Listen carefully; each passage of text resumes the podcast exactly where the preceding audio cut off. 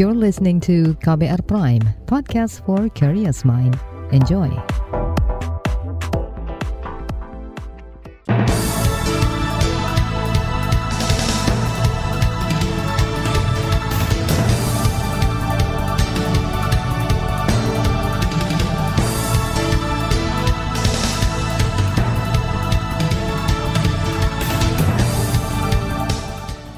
Selamat pagi saudara, senang sekali kami bisa menjumpai Anda melalui program Buletin Pagi. Edisi Selasa 8 Maret 2022 bersama saya Roni Sitanggang. Sejumlah informasi pilihan telah kami siapkan, di antaranya Komnas Perempuan catat kekerasan meningkat 80 persen. Pemerintah bebaskan syarat tes antigen untuk pelaku perjalanan domestik. Evakuasi delapan korban penembakan di Papua dilakukan melalui jalur udara. Inilah buletin pagi selengkapnya. Terbaru di buletin pagi. Saudara Komnas Perempuan mencatat kekerasan terhadap perempuan pada tahun lalu meningkat sebanyak 80 persen. Komisioner Komnas Perempuan Siti Aminah menjabarkan pada 2021 lembaganya menerima lebih 4.300 pengaduan. Padahal pada 2020 aduan yang masuk berkisar di angka 2.300 saja.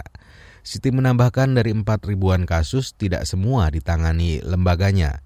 Itu lantaran sebagian lain tidak termasuk dalam tindak kekerasan.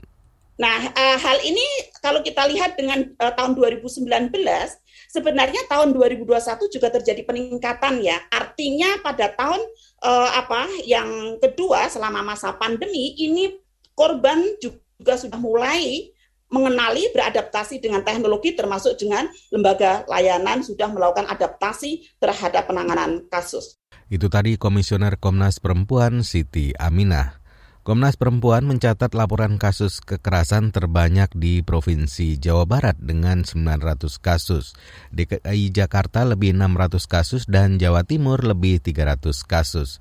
Laporan yang masuk didominasi kekerasan fisik sebesar 30 persen, kekerasan psikis 29 persen, dan kekerasan seksual 29 persen. Deputi Bidang Perlindungan Khusus Anak Kemen PPA, Nahar, meminta pengusutan kasus-kasus kekerasan tidak berakhir hanya sampai persidangan. Melalui keterangan tertulisnya kemarin, Nahar meminta unit pelaksana teknis daerah perlindungan perempuan dan anak bisa terus memantau keadaan para korban. Hal itu harus dilakukan lantaran tindak kekerasan terhadap perempuan memberi dampak negatif seperti trauma berkepanjangan pada korban. Menanggapi tingginya angka kasus kekerasan di daerahnya, Gubernur Jawa Barat Ridwan Kamil mengatakan telah berupaya semaksimal mungkin menekan jumlah kasus. Kita ada sekoper cinta, sekolah perempuan raih impian dan cita-cita, di mana ibu-ibu rumah tangga kita kembalikan ke sekolah dalam bentuk informal untuk menguatkan ketahanan keluarga, psikologi keharmonisan keluarga, ekonomi, dan lain-lain. Kita juga ada hotline jika terjadi kekerasan dalam rumah tangga yang mayoritas terhadap perempuan. Kemudian juga ada gerakan Jawa Barat berani cegah tindak kekerasan untuk menekan kekerasan kepada anak dan perempuan. Gubernur Jawa Barat Ridwan Kamil mengatakan program-program pencegahan kekerasan pada perempuan itu dilakukan secara khusus oleh Dinas Pemberdayaan Perempuan dan Perlindungan Anak. Kendati demikian, pemerintah tidak bisa berjalan sendiri tanpa adanya kerjasama antar akademisi dan komunitas. Menanggapi upaya-upaya yang dilakukan pemerintah, Lembaga Bantuan Hukum Asosiasi Perempuan Indonesia untuk Keadilan atau LBH APIK menilai substansi hukum di Indonesia masih menjadi kelemahan untuk melindungi perempuan dari bentuk kekerasan. Pelaksana harian Asosiasi LBH Apik Kotimun Sutanti mengatakan masih ada pasal-pasal dalam undang-undang yang belum memadai saat menangkap pengalaman dari korban kekerasan seksual dan kekerasan dalam rumah tangga pengalaman korban itu sering tidak tertangkap ya. Salah satunya adalah kekerasan seksual verbal. Itu walaupun di KUHP itu sudah ada pasal tentang penghinaan misalnya, kemudian tindakan misalnya kesusilaan di muka umum dan seterusnya itu, tapi untuk menjerat pelaku kekerasan seksual verbal itu masih cukup sulit karena unsurnya dianggap tidak masuk gitu ya dan pembuktiannya itu susah karena harus memenuhi alat bukti yang ada di KUHP yang itu sulit untuk disediakan oleh korban. Pelaksana harian Asosiasi LBH Apik Kotimun Sutanti mengatakan seharusnya ada penguatan substansi hukum secara nasional terkait kasus kekerasan berbasis gender. Pengalaman-pengalaman korban perlu menjadi pembelajaran negara untuk memperbaiki hukum agar lebih mengakomodir berbagai bentuk kekerasan pada perempuan. Secara khusus, LBH PIK mendorong penyusunan rancangan undang-undang penghapusan kekerasan seksual agar bisa segera terwujud. Kotimum juga menyoroti perspektif aparat penegak hukum yang perlu diperkuat. Pasalnya masih banyak aparat hukum yang belum memahami penanganan kasus kekerasan berbasis gender dengan baik. Saudara pemerintah membebaskan syarat tes COVID-19 bagi pelaku perjalanan domestik. Informasi selengkapnya usai jeda tetaplah di Buletin Pagi KBR. You're listening to KBR Pride, podcast for curious mind. Enjoy!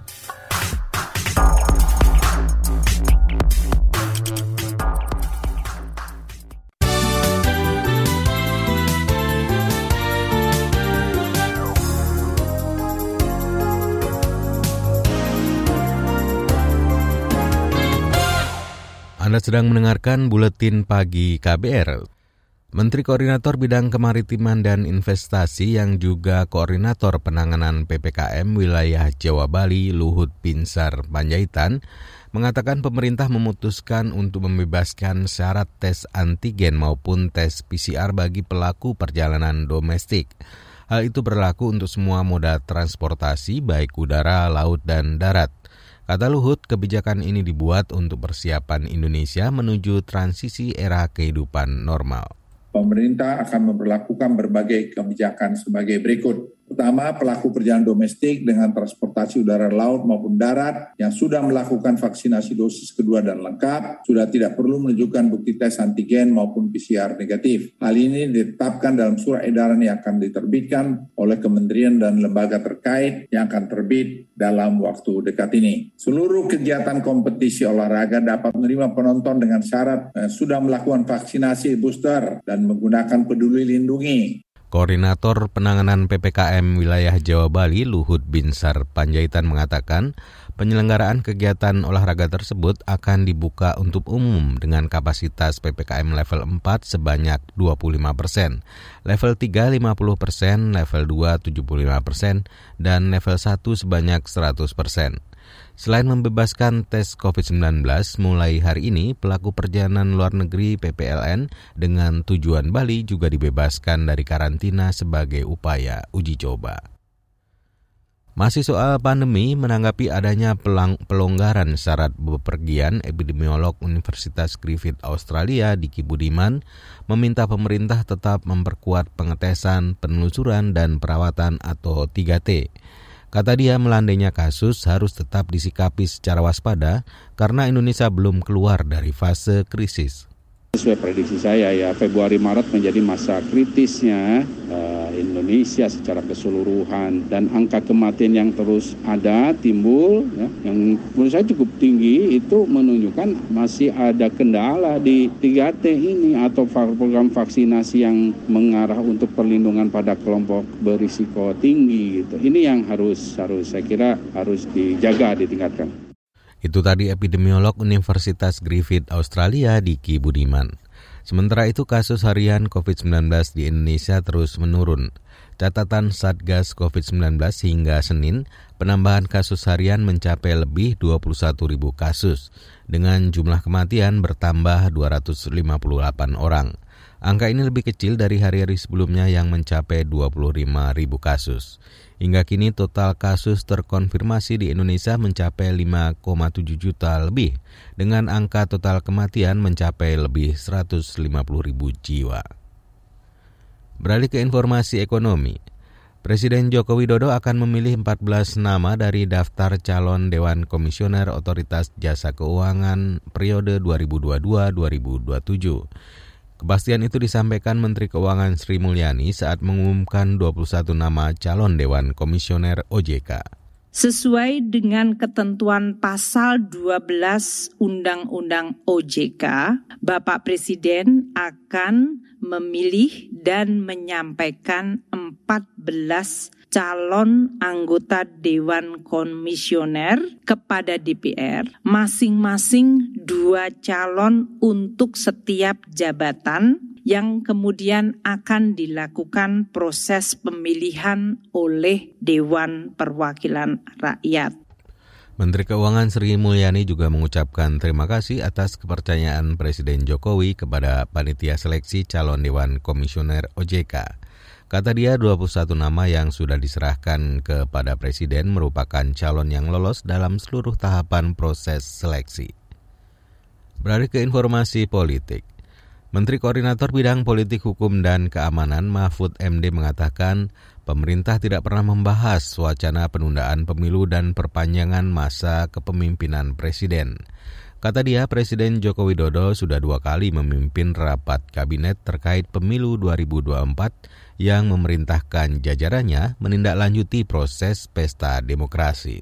Untuk melakukan hal-hal sebagai berikut. Satu, memastikan pemilu 2024 berjalan aman, lancar, tidak memboroskan anggaran, tidak terlalu lama masa kampanyenya, dan juga tidak terlalu lama jaraknya antara pemungutan suara dan hari pelantikan pejabat-pejabat hasil pemilu tahun 2024. Menko Polhukam Mahfud MD mengatakan instruksi itu dimaksudkan untuk meredam suhu politik menjelang pembentukan kabinet baru pada 2024.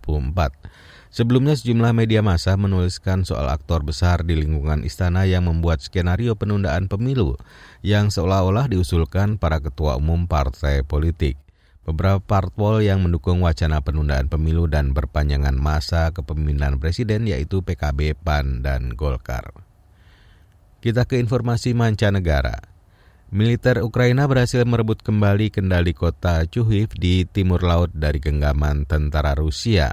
Klaim itu diutarakan penasihat Presiden Ukraina Oleksiy Orestovic dalam jumpa pers rutin di kota Lviv.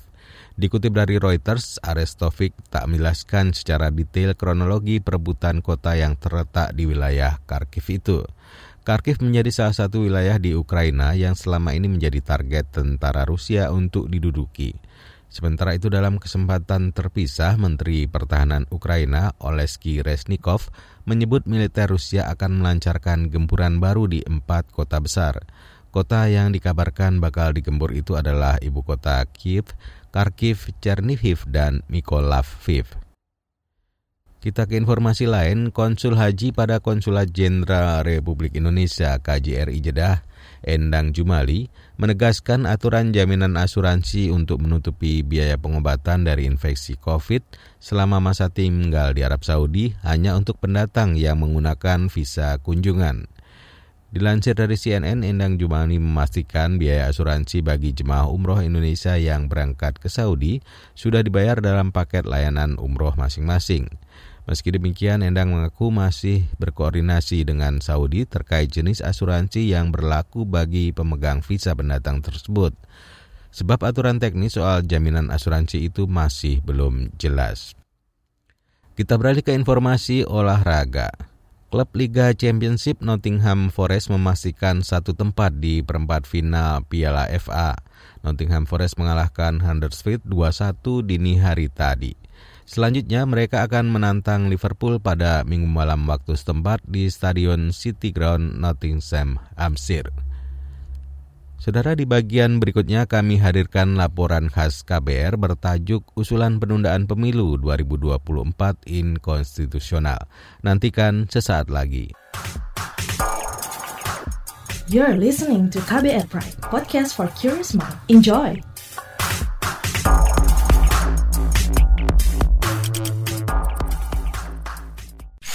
Commercial break. Commercial break.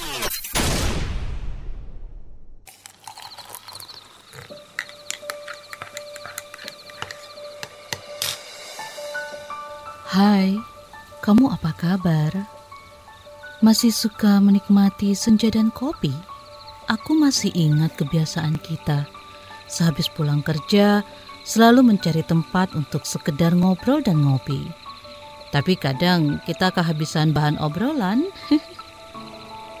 Aku masih melakukan hal yang sama sampai sekarang tanpa harus takut habis bahan buat ngobrol. Karena aku selalu mendengarkan KBR sore dari Senin sampai Jumat jam 4 sore. Ah, aku rindu. KBR Inspiratif Terpercaya.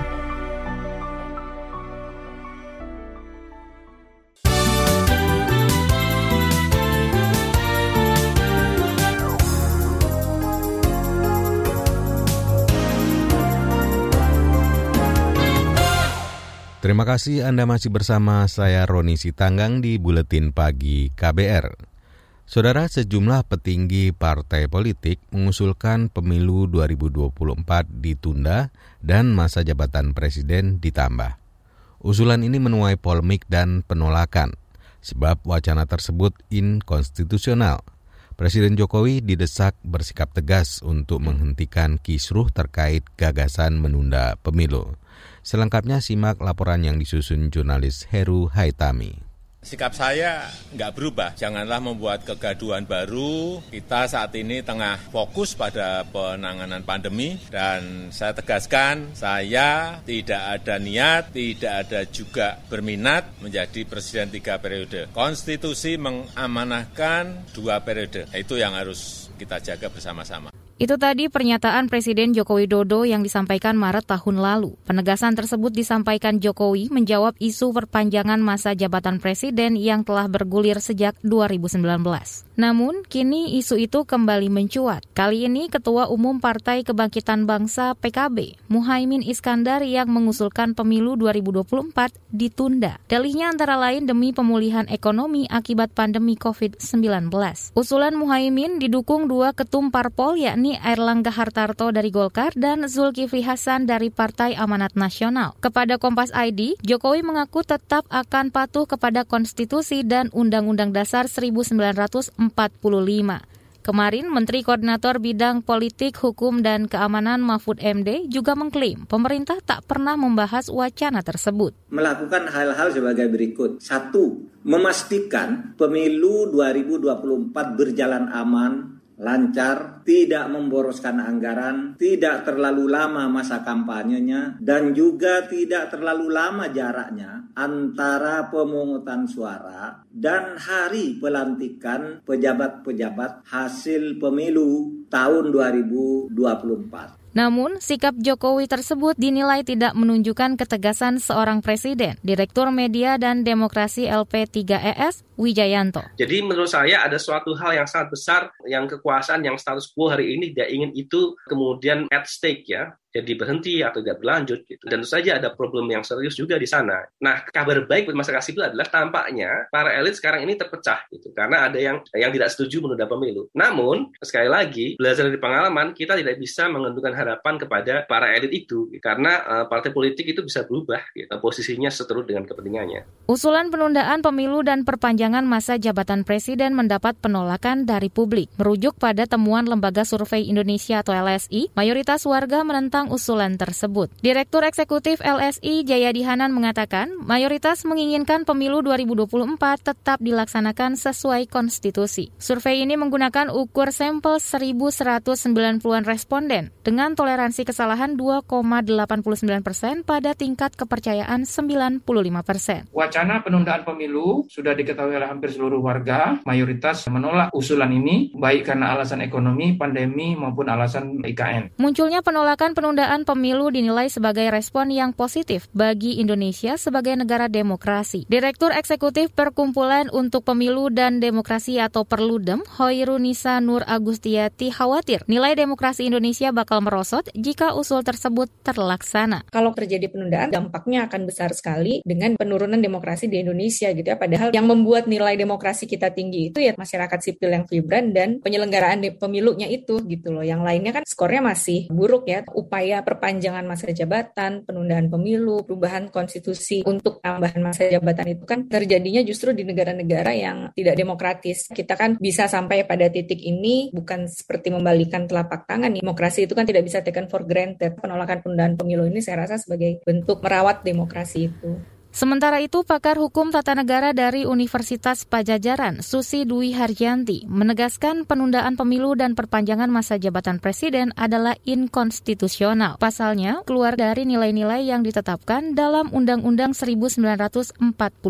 Selain itu, kata dia, konstitusi tidak selayaknya diubah dengan sangat mudah, hanya untuk kepentingan elit tertentu. Reformasi konstitusi itu didasarkan pada keinginan satu, yaitu adanya konsep check and balance Kemudian yang kedua yaitu pembatasan kekuasaan. Dan pembatasan kekuasaan itu dilakukan antara lain dengan membatasi masa jabatan presiden, kemudian juga mengatur pemilihan umum menjadi lebih rinci. Nah, itu adalah hal-hal mengapa pemilihan umum menjadi penting karena pemilihan umum itu merupakan pengejawantahan atau refleksi atau perwujudan dari prinsip-prinsip yang ada di dalam Undang-Undang Dasar 1945. Susi Dwi Haryanti menyebut berbagai alasan yang saat ini digunakan untuk menunda pemilu tidak dapat diterima secara logika, lantaran usulan tersebut tidak betul-betul datang dari rakyat. Laporan ini disusun Heru Hetami, saya Dwi Renjani. Saudara informasi dari berbagai daerah akan hadir usai jeda, tetaplah bersama Buletin Pagi KBR.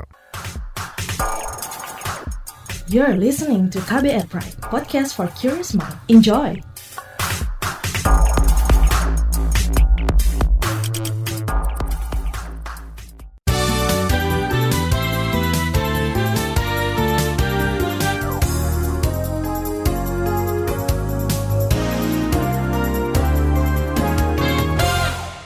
Inilah bagian akhir buletin pagi KBR. Saudara delapan jenazah korban penyerangan kelompok bersenjata di pedalaman Kabupaten Puncak, Papua, kemarin dievakuasi ke Kabupaten Mimika melalui jalur udara. Juru bicara Mabespori Gatot Repli Handoko mengatakan langkah itu dilakukan guna mempercepat proses evakuasi di lapangan. Akses evakuasi dilakukan melalui distrik Sugapa, di Kabupaten Intan Jaya, dan dilanjutkan menuju Kabupaten Mimika dengan menggunakan empat helikopter. Tujuannya untuk mempercepat jalur pemberangkatan maupun dan kembalinya. Proses evakuasi melibatkan 9 personil Satgas Damai Karten dan gabungan personil TNI yang tadi kami sampaikan menggunakan empat helikopter. Juru bicara Mabespori Gatot Repli Handoko menambahkan, seluruh jenazah telah berada di RSUD Mimika guna kepentingan identifikasi dan visum. Pekan lalu kelompok bersenjata menyerang pekerja di lokasi pembangunan menara pemancar di Kabupaten Puncak hingga mengakibatkan 8 orang tewas. Satu pekerja lolos dari serangan dan melaporkan peristiwa itu. Kita beralih ke Yogyakarta. Komisi Nasional Hak Asasi Manusia Komnas HAM memastikan ada sejumlah pelanggaran standar disiplin di Lembaga Pemasyarakatan Lapas Kelas 2A Yogyakarta. Ketua Komisioner Komnas HAM Ahmad Taufan Damanik mengatakan temuan ini merupakan hasil pemantauan dan penyelidikan dari dugaan tindak kekerasan yang dilaporkan oleh sejumlah narapidana pada November tahun lalu. Tapi standar ini banyak sekali dilanggar dalam bentuk kekerasan, perendahan martabat, pelecehan seksual, dan lain-lain. Walau tujuan tadi katanya adalah untuk mendisiplinkan. Tapi kan mendisiplinkan adalah satu hal, hal lain yang namanya kekerasan, perendahan martabat, itu tidak bisa ditoleransi. Kata Taufan, pelanggaran itu bertentangan dengan kovenan anti penyiksaan, penghukuman tidak manusiawi, dan bertentangan dengan hak asasi manusia, termasuk juga standar operasional prosedur yang dikeluarkan oleh Kemenkumham. Sebelumnya awal November lalu, sejumlah bekas narapidana lapas narkotika Yogyakarta melaporkan dugaan tindak kekerasan di dalam lapas ke Ombudsman Perwakilan Jogja. Mereka mengaku mendapat kekerasan dan perlakuan tak manusiawi dari para petugas. Saudara penganut kejawen dan pelestari adat di Kabupaten Cilacap, Jawa Tengah, berharap ritual punggahan jelang Ramadan akan digelar di Panembahan Banokeling, Banyumas pertengahan Maret ini dilakukan lebih longgar. Ketua Paguyuban Resik Kubur Rasa Sejati Kalikudi Nakam Bimbo Prawiro mengatakan sejak pandemi seluruh prosesi keagamaan, budaya, dan adat dilakukan dengan sangat terbatas. Harapan anak putu kalau memang ada PPKM masih PPKM di wilayah Kabupaten Banyumas masalahnya sih ya tetap kita senantiasa rujukannya kepada pemerintah aturan yang ada. Harapannya sebenarnya sih kepingin sekali ya seperti dulu. Ya gitu. Anak putu seperti dulu. Napas jelas dan tidak terbatas lah. Tidak dibatasi. Ketua Paguyuban Resik Kubur Rasa Sejati Nakam Wimbo Prawiro menjelaskan, saat ini Kejawen Kalikudi hanya memberangkatkan 12 orang perwakilan, sementara biasanya yang berangkat dari Kalikudi mencapai hampir 500 orang. Kita ke Jakarta. Pemerintah Provinsi DKI Jakarta membenarkan adanya pembengkakan anggaran sirkuit Formula E di Ancol, Jakarta Utara hingga 10 miliar rupiah. Wakil Gubernur Jakarta Ahmad Riza Patria mengatakan anggaran sebelumnya sebesar 50 miliar tidak cukup untuk pembangunan sirkuit mobil listrik dengan kualitas permanen. Sebelumnya PT Jakarta Propertindo telah menganggarkan 50 miliar untuk pembangunan sirkuit mobil listrik Formula E di Ancol, Jakarta Utara. Dalam laman resmi Jakpro tercantum nilai harga perkiraan sendiri 50 miliar. Penambahan anggaran itu digunakan untuk pembangunan trek lintasan balap sepanjang 2,4 km. Saudara informasi tadi menutup jumpa kita di Buletin Pagi KBR. Pantau juga informasi terbaru melalui kabar baru, situs kbr.id, Twitter kami di akun @beritaKBR, serta podcast di alamat kbrprime.id. Akhirnya saya Roni Sitanggang bersama tim yang bertugas undur diri. Salam.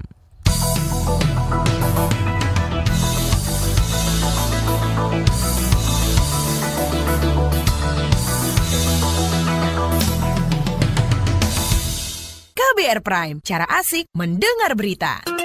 KBR Prime, podcast for curious mind.